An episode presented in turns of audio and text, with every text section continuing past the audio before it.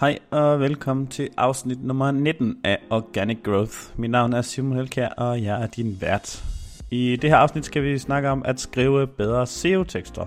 Øhm, øh, den her episode er en direkte forlængelse af afsnit nummer 17. Afsnit nummer 17 snakker vi om, hvordan du hurtigere kan skrive længere tekster.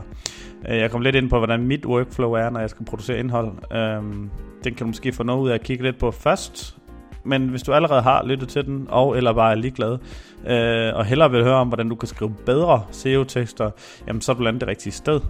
Øh, her får du seks tips til at skrive bedre SEO-tekster. Tip nummer et er, introduktionen er vigtigere end nogensinde før. Nogle af de vigtigste metrikker, som Google øh, vurderer din landingsside på, både nu og nok også fremover, er kan man sige, behavior eller user experience. Og en af de ting, Google kigger meget efter, og med rette, er om den besøgende kommer direkte tilbage i Google søgemaskine og søger videre. Direkte efter at have været inde på din side. Altså, hvis de bouncer, så var dit indhold nok ikke særlig relevant. Så derfor er din introduktion, din teaser og dit indhold, dit hook, vigtigere end nogensinde før. Øh, rent teknisk set, så vil det nok være mit tip herfra at slutte med at skrive din teaser, sådan så efter at du har skrevet alt indhold, så slutter du med at lave en rigtig god teaser for præcis, hvad det er, de kunne forvente sig af dit indhold. Tip nummer to, skriv til læseren, ikke til Google. Du skal skrive til læseren af dit indhold, ligesom at du snakkede med sammen med personen en og en. Det er selv noget, som jeg øver mig på at blive bedre til, og det er ikke et punkt, hvor jeg er ekspert, men ud fra hvad jeg kan læse mig til og logiskvis forstå, så handler det om du og jeg og vi, og ikke mand, dem og de. Altså, du skal fange den læsende ved at skrive til dem og ikke til en tredje person. Jeg kan prøve at komme med et eksempel. Man skal skrive til sin læser, så de forstår det bedre, eller virksomhedens første prioritet er at sørge for, at kunden er glad. Det er jo så den dårlige version. Og så prøv at holde den op imod de her to sætninger. Du skal skrive til dine læsere, så de, kan, så de bedre kan forstå det.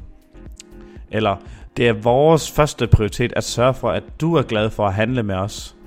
Øhm, jeg håber, det forklarer godt nok. Men hvis jeg lige prøver at tage et eksempel. Virksomhedens første prioritet er at sørge for, at kunden er glad, versus det er vores første prioritet at sørge for, at du er glad for at handle med os.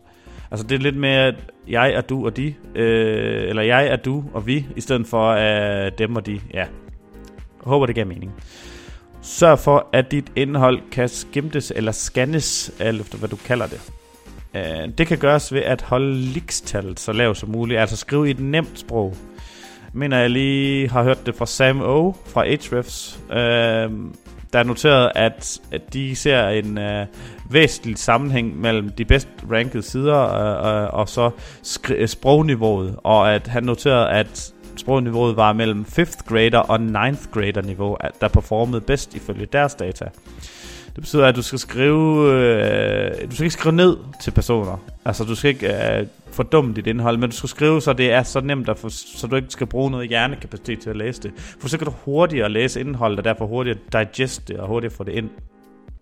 Folk har jo ikke tid til at sidde og gå i dybden med dit indhold. Øh, men altså, hvis du, kunne hvis du virkelig kan fange den med simple ord, så uh, kommer du foran på det.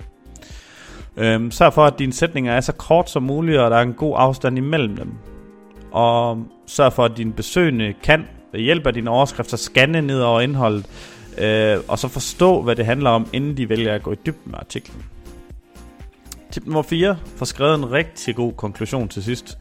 I og med, at øh, meget lange artikler på nettet er meget normalt efterhånden. Du kan eksempelvis se Backlingos artikler, som faktisk nærmest er hele bøger jamen, så er der også medført en stigende tendens til, at den besøgende læser introen for at blive... Altså, nogle af besøgende læser introen for at blive fanget, men der er faktisk også en hel del af de besøgende, som scroller direkte ned i bunden og læser konklusionen. Og så kan de på 5-10 sætninger lige læse, hvad det var, at de kunne forvente at lære, eller hvad man har lært i artiklen. Og hvis noget af det lyder spændende, så scroller de så bagefter op igen, scanner indholdet efter, hvor det var, at de fandt øh, lige præcis den viden, som de vil gerne vil læse. Altså, skriv en rigtig god konklusion til sidst, hvor de besøgende, øh, som kun når at læse den, faktisk også får noget værdi.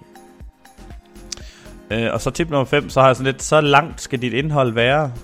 Det er ikke så meget tip, Det er nok lige så meget en holdningssag og en erfaringspunkt. Øh, øh, øhm, hvor langt er langt nok? Og her er mine, øh, mine observationer, at lange tekster ikke helt så er som i gamle dage. Altså jeg kommer ikke ind på en fast guideline med, at du skal skrive 400 eller 4000 ord. Øh, jeg vil gerne invitere dig til at tænke lidt anderledes over dit indhold. Øhm, det er, at hvis din tekst er så god som muligt rent SEO-mæssigt, øh, så skal den, øh, altså hvis din tekst skal være så god som muligt rent SEO-mæssigt, så skal den være lige præcis lang nok til at dække hver en eneste afkrog af et emne, skrevet i et simpelt sprog, der er let at læse. Det vil sige, hvis tre af dine konkurrenter har skrevet 1500 ord om elsparepære, mens du kun har 400 ord, jamen så er det nok noget, der indikerer, at du ikke har fået det hele med. Øh, så sørg for, at du får det hele med, og så skriv hellere noget, der er 5 eller 10 gange så godt som deres indhold, men altså ikke nødvendigvis 5 eller 10 gange så langt.